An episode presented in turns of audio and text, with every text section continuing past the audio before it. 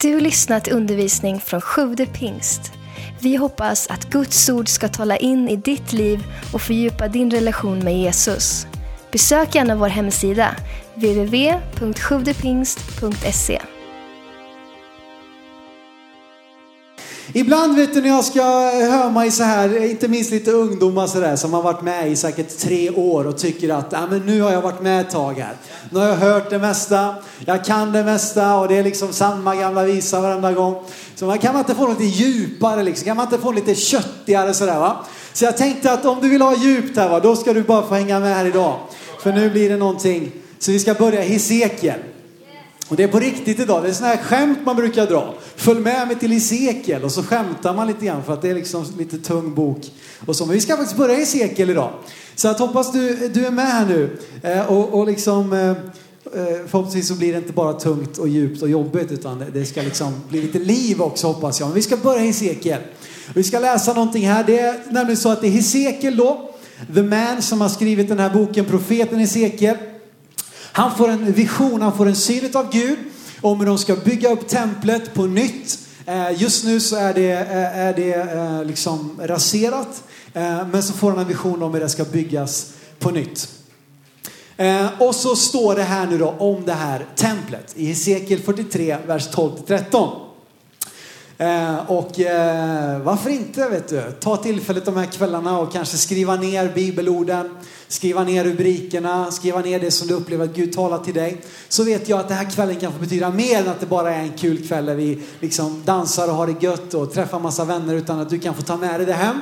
Och förhoppningsvis blir det någonting som kommer hjälpa dig på din måndag och tisdag, onsdag och så vidare. Så här står det, Hesekiel 43, vers 12-13. Det står så här, så är lagen om templet. På toppen av berget ska hela området runt omkring vara högheligt. Det är inte bara heligt, utan det är högheligt. Detta är lagen om templet, altaret och dess invigning. Dessa var måtten på altaret i alnar. Varje aln var en handsbredd längre än en vanlig aln. En handsbredd längre, en aln och en handsbredd. Det är ganska djupt va? Liksom högheligt. Hur ofta använder ni det liksom? Smsar? Ja, det var en sån höghelig gudstjänst idag i, i kyrkan. Vad vet jag? Kanske är något att ta till sig. Detta var lagen om Guds hus, om templet. Och ett vanligt mått i Bibeln är just det som står här. En aln. Eh, därför att på den här tiden hade man inte liksom det metriska systemet. Är någon som vet vad det är för någonting? Det metriska systemet? Har vi någon smart här framme?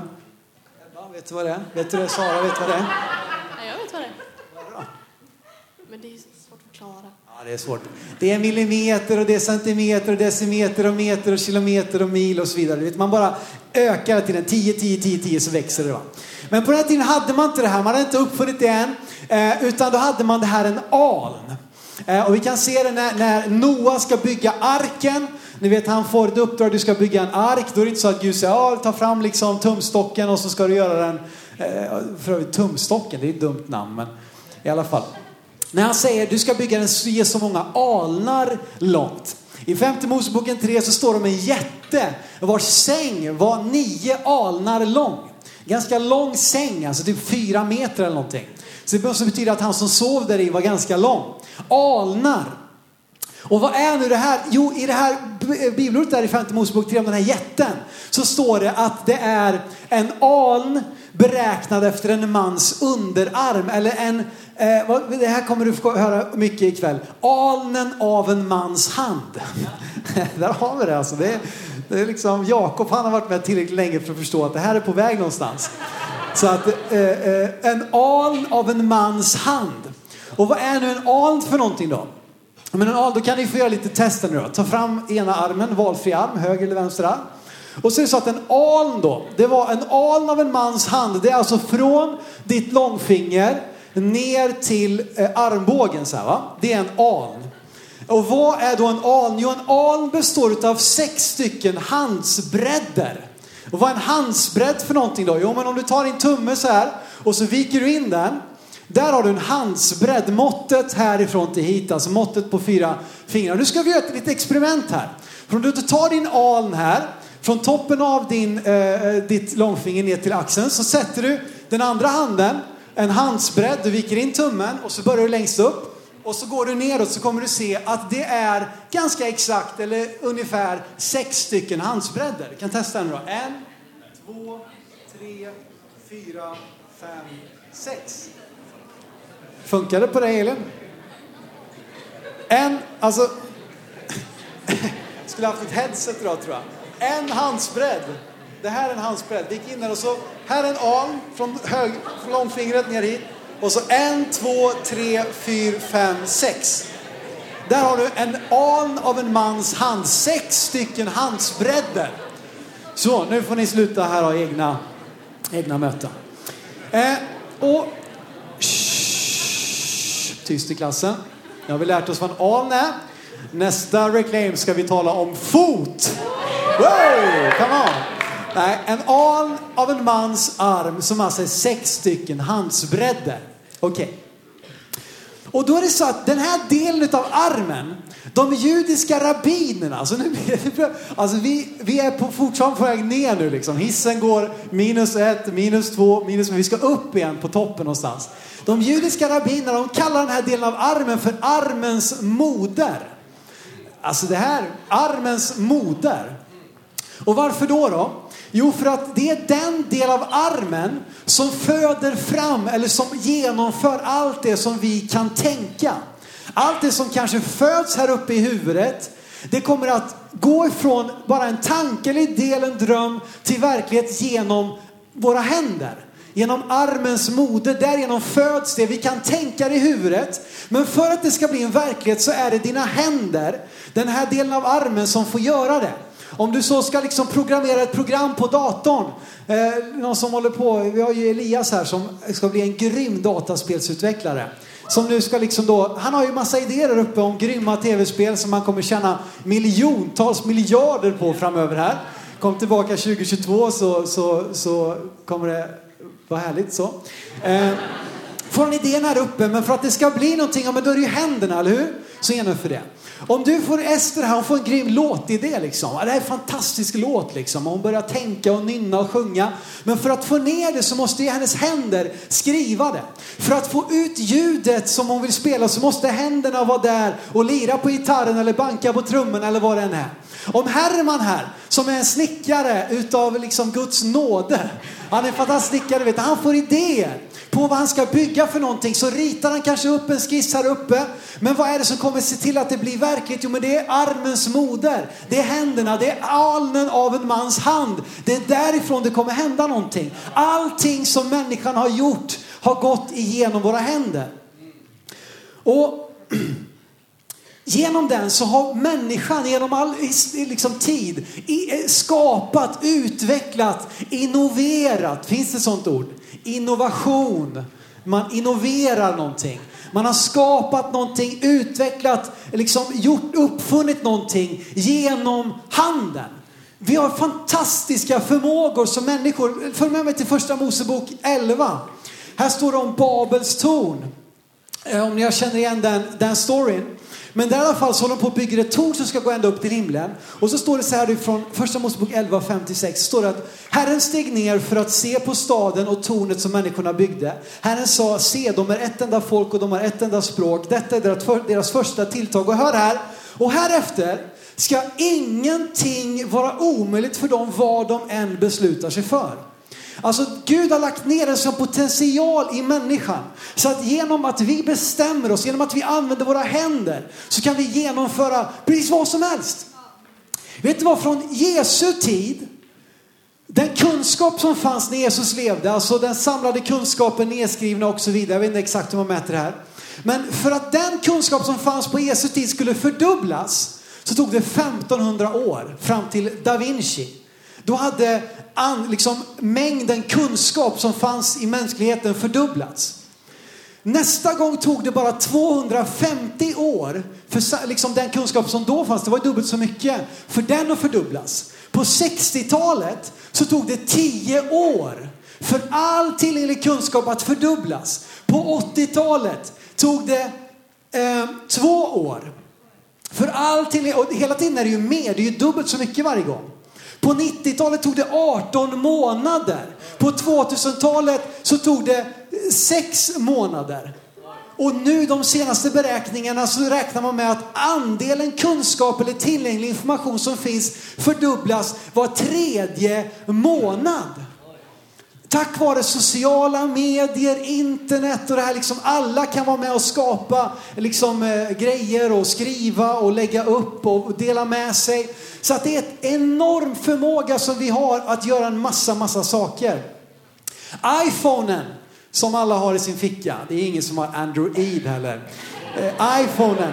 Den, den telefonen, visst om du har en Android också, det är helt okej. Okay. Man får, det finns en väg. Det är, li, det är liksom en lite krokigare väg till himlen, men det går även den vägen.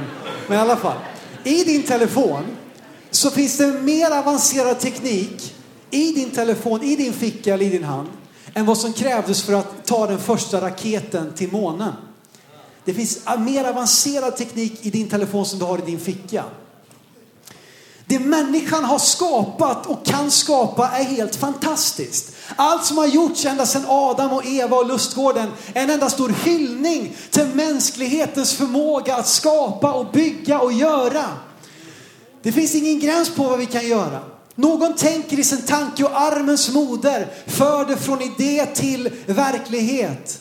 Förmågan att bygga, konstruera, utveckla musik, konst, flygplan. Alltså, när tänkte du senast, alltså vem fick flygplanet att flyga egentligen? Alltså det är helt sjukt alltså. Radiovågor. Va? Hur funkar det där egentligen? Ebba? Hur funkar det? Jag ska, jag ska, jag ska inte hacka på dig. Vi blondiner, vi behöver hålla ihop. Så är det. Skyskrapor som är snart en kilometer höga. Titthålsoperationer. Droppbevattning, kärnkraftverk. GPS. Alltså hur levde man utan GPS alltså? Vad hände? Vad gjorde man liksom? Hur tog man sig ut på bilsemester när det inte fanns en GPS alltså? Jag är sjukt in... Vad sa du? Man åkte vilse, exakt. Det var exakt vad man gjorde. Men det blev väldigt lång bilsemester i alla fall, så man fick ju åka mycket bil. Snapchat med massa roliga filter. Du kan sätta kattöron på öronen. Jag har inte själv Snapchat, men jag har hört att ni ungdomar håller på med det här. Och där finns de här filtrerna. Alltså vem har gjort det där? Det är mänsklighetens genialitet. Det finns ingen gräns på hädanefter ska ingenting vara omöjligt. Och min poäng här är att människan är begåvad. Varför då? Jo, för att hon är skapad till Guds avbild. Och ibland så är det så att denna begåvning och den genialitet som är nedlagt ända ifrån Gud berövar oss på just vårt beroende av han som är upphovet till att vi ens kan göra detta. För att vi tycker att vi är så duktiga i oss själva, vi kan så bra själva, så glömmer vi bort vårt beroende av Gud. Vi glömmer bort vem som är gåvans givare. Och vi försöker klara allting utan honom. Men följ med mig till Johannes 15 och 5. Jesus talar här, ett välkänt bibelställe. Och Jesus säger så här om sig själv. Han beskriver sig själv som vinstocken. Alltså det här är bra, tycker jag än så länge. Jag vet inte, ska vi ha en liten så här kommentator? Ja, vad tycker vi här nu? Vad får du för 3, på en skala 1 till 10 här? Vad har vi poäng? Det blir en 10. 10. 8. Då tar man, ner, då tar man, allt, man tar alltid bort den lägsta så att det blir 10 poäng då, helt enkelt.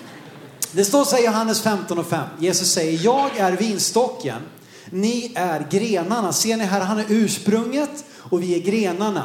Om någon förblir i mig och jag i honom så bär han rik frukt. Utan mig kan ni ingenting göra.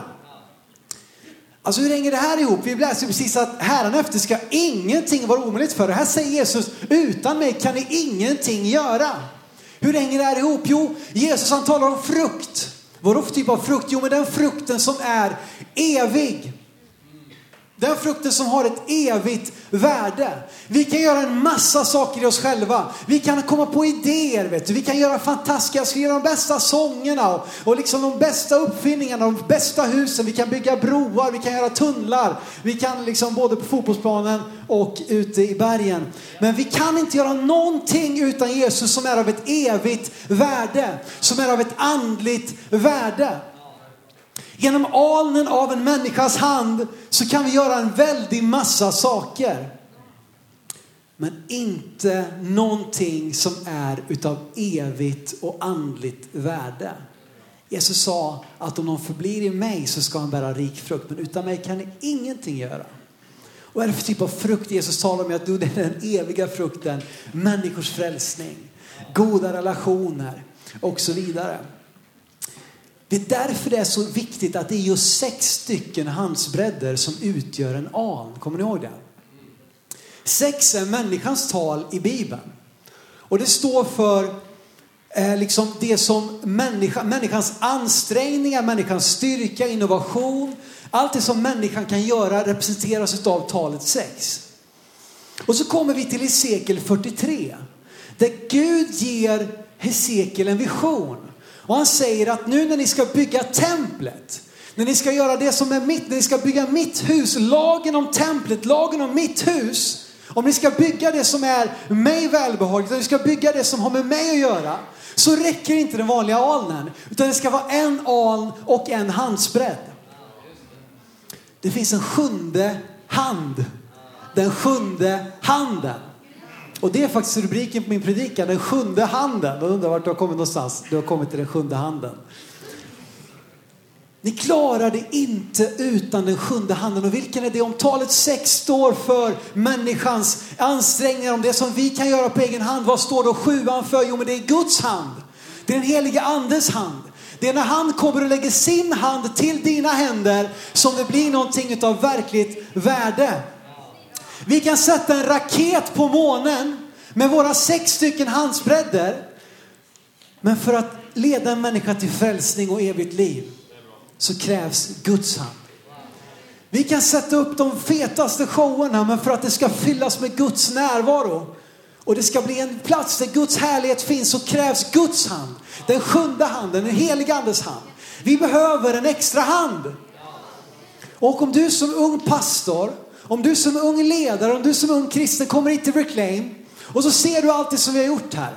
Scenen, ljuset, det tajta bandet. Och du kan lära dig allting om hur du kan göra de sex stycken handsbredderna. Och det är bra. Vi ska göra allt vi kan för att bygga kyrka. Gud har gett oss gåvorna för att använda dem, för att förhärliga honom.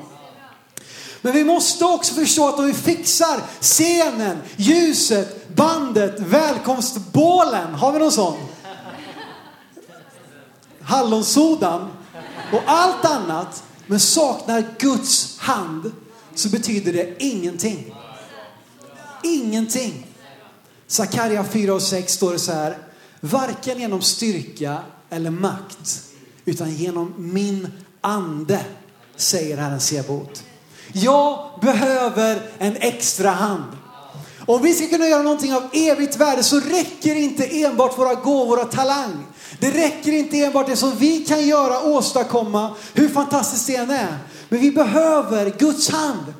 Och min uppmuntran till dig och mig är att nöj dig inte med de sex stycken handsbredderna. Nöj dig inte med mindre än att Guds hand kommer över ditt liv. Att Guds hand kommer över din kyrka, att Guds hand kommer över din, din liksom gåva, över det som du gör. Över din familj, över dina vänner, över din relation. Nöj dig inte utan Guds hand. Nu mot slutet här skulle jag vilja tala om ett litet moln. Och nu är vi på väg upp. Har ni, märker ni det? Att vi har åkt upp en bit, några våningar. Men nu ska vi ända upp till molnen. Så nu tar det av här. Det finns en berättelse i första kungaboken 18 om Elia. Eh, profet, vi pratar mycket profeter här, underbart. Det är Elia och det är Sakarja och det är Hesekiel, allihopa, goa gubbar. Ehm, och här nu då så har det varit torka i tre år. Det har inte regnat en droppe under tre års tid. Men så ska vi hoppa in här och läsa i första kungaboken 18, 41-43. Det står så här. Eh, vi, vi, jag förklarar inte nu alla namn här. Det är liksom, du får bara ta det som det är. Men det står så här. Elias sa till Ahab. Bryt upp, ät och drick för jag hör suset av regn. Kom ihåg, det har inte regnat på tre år. Inte en enda droppe. Men Elias säger till kung Ahab. Jag hör suset av regn. Då reser sig Ahab upp för att äta och dricka. Men Elias steg upp på Karmels topp, böjde sig ner mot marken med ansiktet mellan knäna. Om ni inte förstår vad han gör så ber han. Han sa till sin tjänare, gå upp och se mot havet. Han gick upp och såg ut över havet men han sa, jag ser ingenting. Elia förväntar sig att Gud ska bryta torkan, att han ska komma med regnet, även om det inte har regnat på tre år. Han ber och säger åt sin tjänare att förbereda sig för en storm. Gå och se ut över havet om det inte kommer en storm, om det inte är en storm på väg. Vet, han ber och så förbereder han sig för att det faktiskt ska hända. Problemet med oss är att vi ber väldigt ofta men går aldrig och tittar efter några moln. Du vet om du ber efter regn, skaffa ett paraply. Alltså om du ber efter någonting som förväntar dig att det ska ske, håll ut. Ingenting hände. Tjänaren går upp där på berget och där med det, jag ser ingenting. Och så fortsätter det så här. Och du måste ta dig igenom den tiden när ingenting händer. För att komma fram till när Gud griper in. Nöj dig inte, stanna inte på tre, på fyra, på fem, på sex. Vänta, håll ut, fortsätt be. Och det du gör med tiden mitt emellan.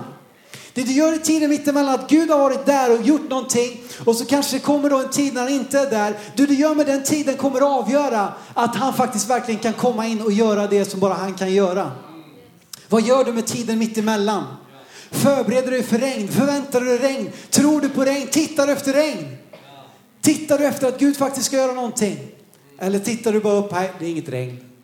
Vi struntar i det här. Sex gånger ber Elias sin tjänare att se efter, men ingenting händer. Och så ska vi läsa vidare nu i vers 43. Sju gånger sa han till honom att gå tillbaka. När han kom dit sjunde gången sa han, se ett litet moln som en mans hand stiger upp ur havet. Då sa han, gå och säg till avspänn för och far ner så att inte regnet håller dig kvar. I ett nu blev himlen mörk av moln och storm och ett kraftigt regn föll.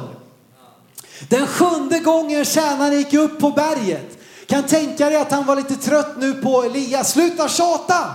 Jag orkar inte. Jag orkar inte be honom. jag orkar inte vänta, honom. jag orkar inte gå upp igen, jag orkar inte komma till kyrkan en gång till. Jag orkar inte fortsätta, men jag orkar inte berätta för min kompis om Jesus igen. Jag orkar liksom inte med det här. Jag orkar inte läsa Bibeln en gång till.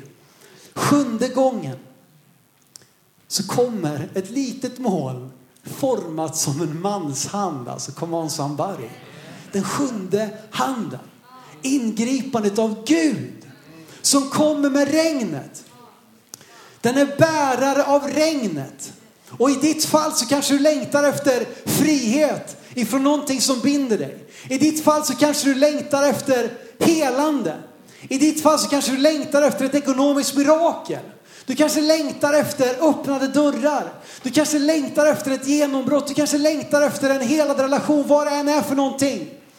Så ge det inte på fyra, på fem, på sex. Håll ut och låt Guds hand komma och hjälpa dig och möta dig. Den sjunde handen krävs för att ge regnet. Guds hand krävs för att det ska bli någonting som är av evigt och andligt värde. Utan det är det ingenting värt. Och du vet, det kommer ett litet mål som en människas hand. Det är litet, men det är laddat. Det kan se litet ut, men det är laddat med regn. Det är laddat med Guds kraft. Och oavsett vad du har i ditt liv som du kanske ser ner på, som du tycker är för lite, det är ingenting att skryta med, ni är inte så många, och du är inte så gammal och du är inte så stor och så stark och vad det nu än är för någonting. Du vet, det spelar ingen roll för om det är laddat med Guds kraft så kan allting hända. Och det vill säga också att dina händer är viktiga. De första sex handsbredderna är viktiga. Det vi gör är viktigt för att Gud ska komma och lägga sin hand till. Planeringen, förberedelserna, att någon ställer i ordning bord och stolar, riggningen, låtskrivandet, de som hälsar i dörren, gör i ordning fikat, tänder marschallerna, de som räknar in musiken. Du kan inte få den sjunde handen utan de sex. Du kan inte bara säga åt Gud kom och gör det du gör om inte vi också är beredda att faktiskt göra det vi kan. Dina händer är viktiga. Och när vi alla tillsammans lägger vår handsbredd till så kan Gud komma och göra någonting stort. Ofta så tror vi liksom att predikanterna är hjältarna. De som står där uppe och vevar igång skarorna. Det är, var fantastiskt vet du. och nu blir det härligt här. Men vet du vad? Det är inte jag som är hjälten eller någon annan som står där framme. Det är de som har satt upp den här plattformen. Det är de som har förberett den här platsen. Det är de som har varit här och jobbat innan. Det är de som har förberett sig, bett, liksom planerat, bjudit in vänner. Det är de som är hjältarna. Det är de handsbredderna som har lagts på plats, på plats, på plats. Så att Gud kan komma och göra det bara han kan. Men dina händer är viktiga. Gud vill lägga sin hand på dig. Men du behöver också ge din hand åt honom. När Petrus hamnar i fängelse, han har berättat om Jesus och så blir han satt i fängelse. Då börjar församlingen att be och när församlingen ber så händer någonting mäktigt. Det kommer en ängel in i fängelset och ängeln kommer in där, han lossar bojorna där Petrus sitter. Han tar loss det så att han kan gå fri. Och så vad, vad säger ängeln till Petrus? Har du tänkt på det någon gång? Han säger till Petrus, Petrus, ta på dig bältet, ta på dig sandalerna och ta på dig manteln. Så drar vi. Du vet att han kommer in och gör allt detta men han ber Petrus ta på sig skorna. Han ber Petrus sätta på sig bältet. Han ber Petrus ta på sig jackan. Du vet för att vi får göra våran del. Att du kanske, det, det vi gör faktiskt jämfört med vad Gud gör, det är så enkelt som att ta på skorna.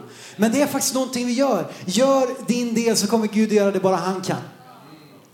Se till att sätta på dig dina skor så kommer Gud att lägga sin hand till och göra det som bara han kan. När vi förbereder oss, när vi gör det vi kan, så kan Gud göra det bara han kan.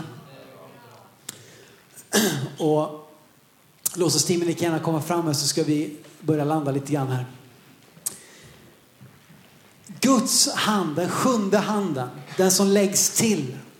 Det som behövs för att bygga någonting av andligt och evigt värde. Och ibland så undrar jag, jag har bara känt för mig själv. Simon, nöjer du dig med de sex händerna? Dina egna ansträngningar. Nöjer du dig med att du kan fixa en ganska bra kväll liksom, eller ordna med ganska bra grej? Har jag blivit bekväm och börjat lita på min egen förmåga och glömt bort vem som har gett mig den här möjligheten att stå överhuvudtaget? Gud, jag behöver din hand över mitt liv. Gud, låt Reclaim få vara en plats där din hand får verka. Gud, låt den här församlingen vara en plats där din hand är över oss, Herre. Gud, jag ber för hela Skaraborg, Herre. Varenda ort som finns representerad, Gud. Låt din hand få vara med. Gud, jag ber för varenda ung människa här inne, Jesus. Ber att din hand ska vara över oss, Herre. Gud, hjälp oss att inte nöja oss. Hjälp oss att inte ge upp. Hjälp oss att inte tappa hoppet, tappa modet. Utan fortsätta, Gud. Vi vill gå upp på berget en gång till. Vi vill gå upp på berget en gång till. Vi vill förvänta oss att du ska gripa in, att du ska göra det bara du kan göra. Så vi välkomnar dig till den här platsen, Gud. Jag ber dig, Gud. Låt oss aldrig nöja oss med mindre än att du kommer och lägger din hand till. Så att det vi får göra är någonting som har evigt värde. I Jesu namn. Vet du vad? Guds hand kan också vara din hand. Guds hand kan vara din hand. Din hand kan bli Guds hand för någon annan.